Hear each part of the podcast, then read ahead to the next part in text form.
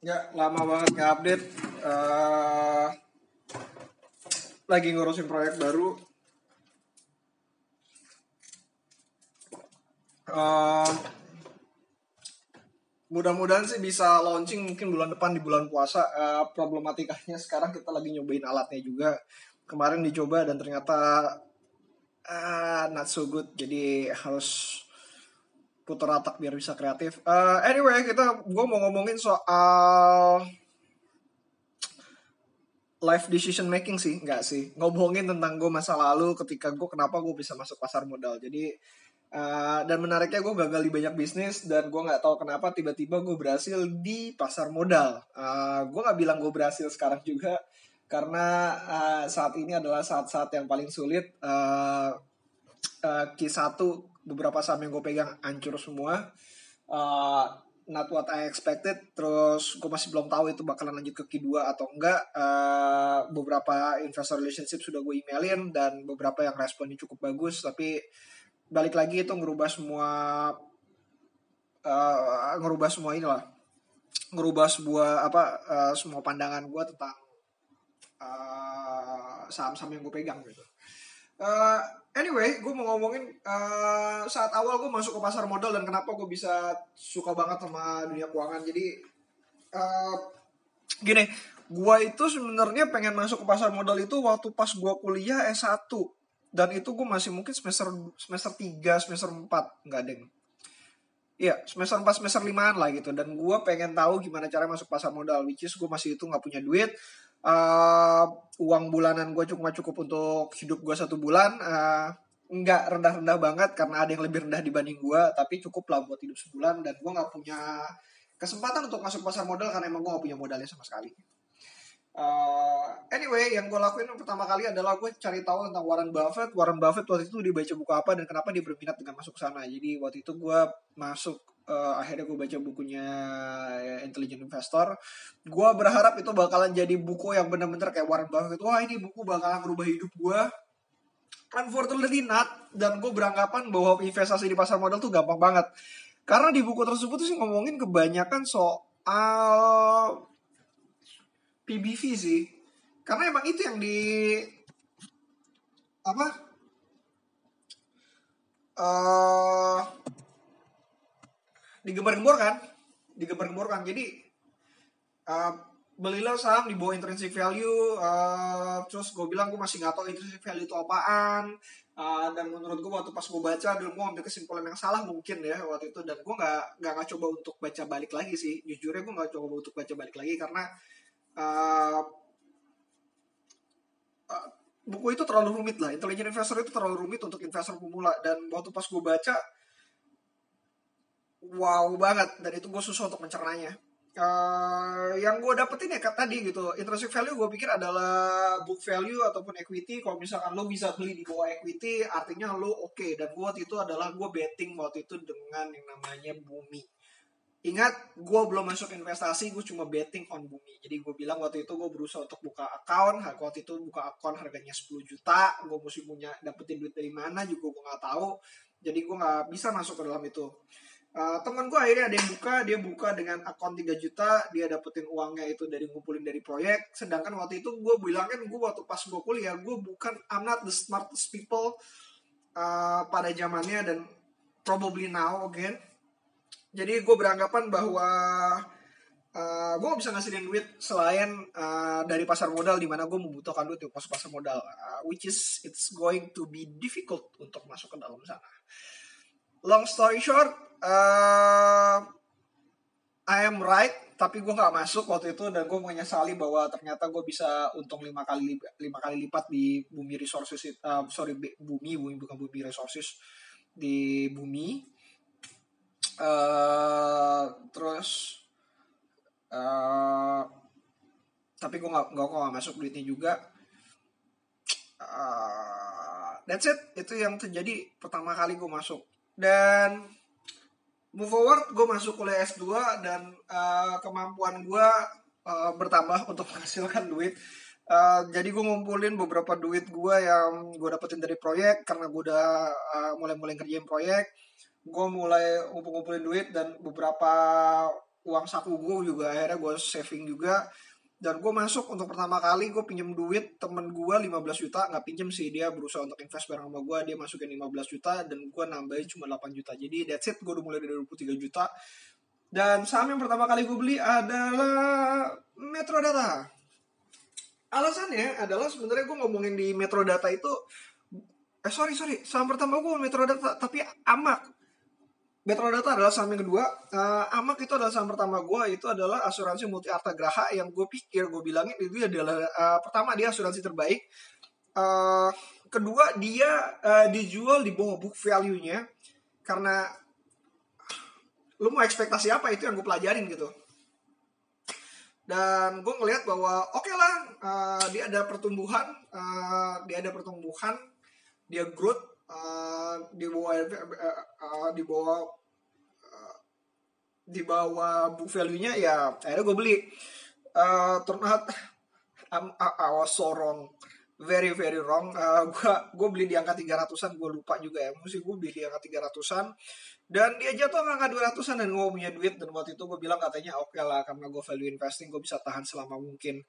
Uh, it's kind of bullshit untuk awalnya karena itu bakalan jadi sesuatu yang benar-benar sulit untuk kalian tolak uh, bahwa uh, kalian melakukan kesalahan dan gue uh, berusaha untuk belajar di situ gitu. Gue berusaha untuk belajar kenapa sahamnya turun? Kenapa gue masuk pada angka 300 kenapa gue nggak masuk angka pada 200 dan gue berusaha untuk itu untuk memahaminya. Dan eh itu uh, gue nggak dapet beginner luck. Gue bahkan yang namanya dapat sial luck. Uh, bukan soal sial luck sih uh, beginner sial lah. Jadi kacau banget. Gue kira uh, 30% dalam tahun pertama dan gue belum melepas itu juga. Baru gue lepas pada tahun kedua. Dan angkanya nggak jauh-jauh beda 290 2 ya pokoknya aku udah 300 gue bakalan gue lepas gitu aja sih. Nah, tapi gue berusaha untuk ngumpulin duit untuk masuk ke saham gue yang which is menurut gue oke okay banget. Waktu itu gue beli Metro Data di 200, keluar di 333. Alasan gue masuk adalah gue cuma ngomongin bahwa gini sih. Sesimpel bahwa Metrodata ini perusahaan yang bagus banget, growth-nya tinggi banget. Uh, dan gue ngelihat dari semua laporan keuangan yang ada, gue bacain semuanya dan gue menariknya, gue sampai sekarang masih belum tahu apakah ini ada ini. Gue pernah ngomong juga di podcast sebelumnya. Uh, gue nemu di 2007 apa eh sorry 2007 apa uh, 2007 2008 2009 gue gue lupa laporan keuangan yang mana mungkin 2009 dan gue ngelihat waktu itu perusahaan ini tuh dalam kondisi yang benar-benar kacau banget gitu jadi dia uh, for the first time growth-nya dia itu turun dan dia mengalami kerugian sepanjang dia berdiri uh, at least ketika dia listing lah. Dan waktu itu gue ngelihat satu halaman besar Chandra Ciputra waktu itu minta maaf sama semua investornya dan dia tahu apa yang uh, dia tahu apa kesalahannya dan dia tidak akan melakukannya lagi tahun tahun depan.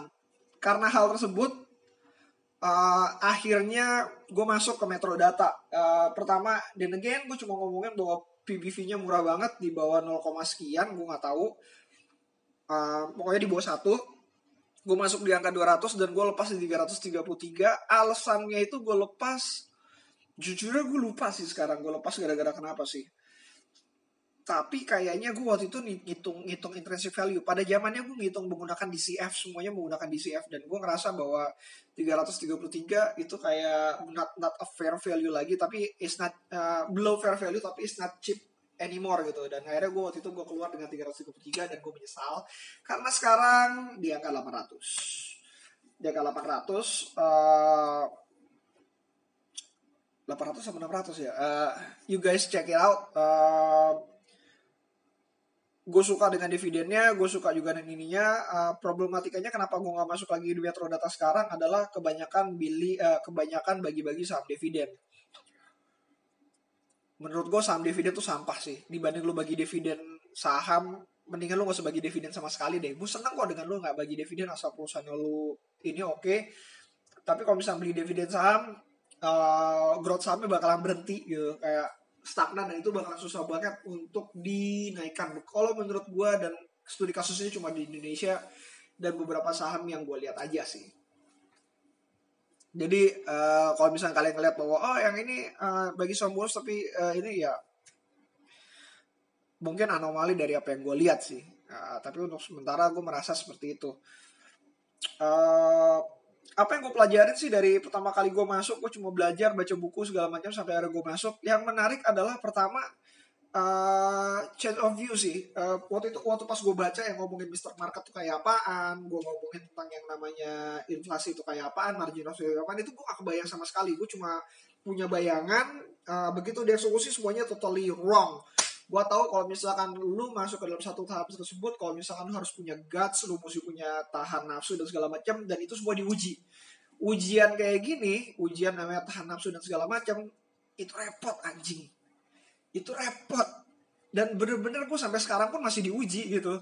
Uh, kalian bakalan ngeliatin lah bahwa tiap hari bahwa baga, uh, tahan perut tahan perasaan bahwa uh, investasi kalian tuh sebenarnya benar dalam uh, segi apa apa segi pola pikir kalian tapi di lapangan nggak sebanyak nggak seperti itu gitu.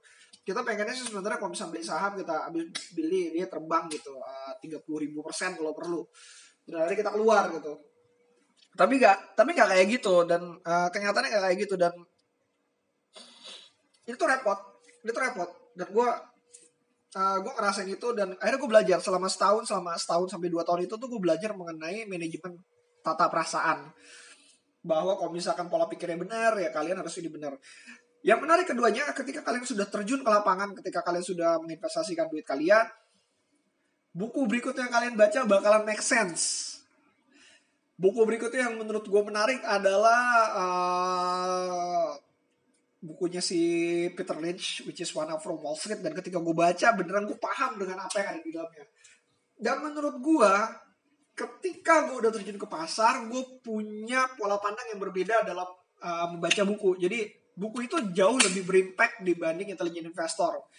Dan kesalahan gue adalah karena tidak praktek buku intelligent investor itu secara tidak berpengaruh. Sebenarnya menurut gue buku itu adalah enhancer dari apa yang ada di diri kalian. Jadi kalau misalnya kalian tahu satu, buku itu menenhance misalkan kali 10. Kalau misalnya kalian nggak punya apa, dikali 10 juga nggak nggak dapat apa-apa gitu. Dia cuma jadi edition doang.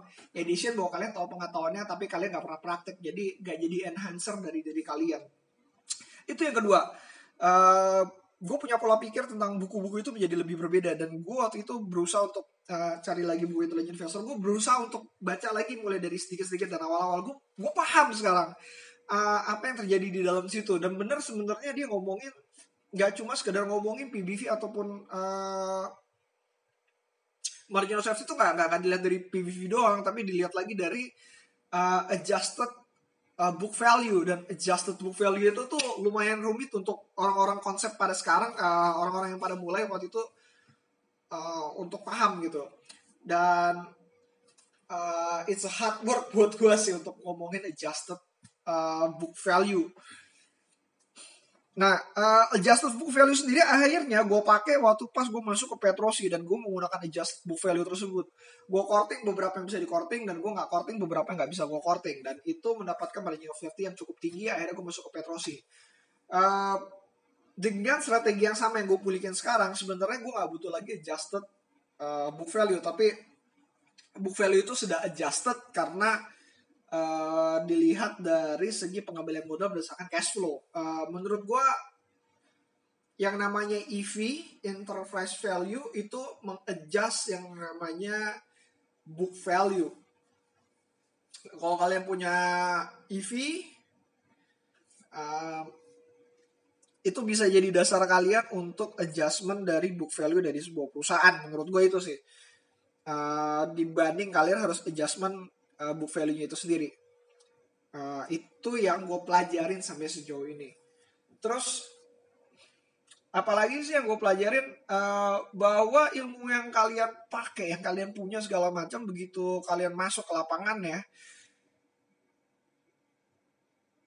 Shit man, kayak menurut gue sih dia berpengaruh dan segala macam gitu. Gue ada recall recall ilmu tersebut, tapi waktu pas di lapangan tuh kayak apa ya? Kayak lu tuh uh, lu tahu ilmu main pedang tapi lu nggak pernah uh, uji coba misalkan sparring dengan yang lain dengan ilmu pedang lu terus gitu ketemu sama lapangan. Dan begitu lu ketemu sama lapangan ya itu tuh tiba-tiba eh kemarin gue ya jadi ini gini ya gue maksudnya gue baca buku yang begini ya gue gue ngeliatnya begitu ya terus waktu pas kalian itu ya kalian mati duluan gitu. Itu yang terjadi pada diri gue sekarang uh, di gue zaman dulu.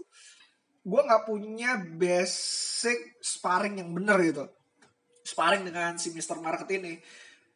Akhirnya gue kalah di lapangan dan gue uh, gue harus admit bahwa gue nggak menang banyak. Bahkan cenderung rugi waktu pas pertama kali mulai. Uh, moving forward akhirnya gue belajar dari kesalahan-kesalahan tersebut. Uh, dan gue cukup menurut gue gue cukup berhasil. Gue berhasil ngembangin mungkin sekitar rekor gue tahun lalu sekitar 70 persen. Uh, selama 2013 sekarang 2019 selama 6 tahun gue 70 persen uh, pengembalian investment gue uh, dan kemungkinan besar gara-gara dua tahun terakhir gue bakalan turun nggak sampai 70 persen tapi it's monstrous dan menurut gue kayaknya bagus banget untuk gue yang pemula untuk mengenal pasar. Gue berharap dengan uh, apa yang gue bisa dapatkan apa yang gue uh, apa yang gue milikin sekarang gue bisa enhance itu jauh lebih baik lagi lebih baik dan lebih safe gitu jadi lebih sorry lebih safe dan lebih baik lagi dalam menghasilkan return Uh, kalau misalnya kalian ngomongin bahwa kita 70% itu gede banget, iya gede banget, tapi kita ngomongin ini di rupiah. Jadi kalau misalnya kemarin sempat hitung-hitungan, kalau misalnya 20% adjusted to inflationnya rupiah ke dolar, itu sama aja kayak 15% di dolar. 70% mungkin sekitar 40 sampai 5 40-an lah, mungkin sekitar 40 sampai 50% dalam bentuk dolar.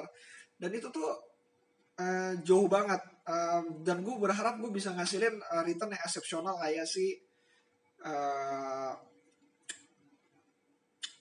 kayak uh, aduh gue lupa lagi namanya. Uh, Renaissance Renaissance Renaissance teknologi atau Jim Simon.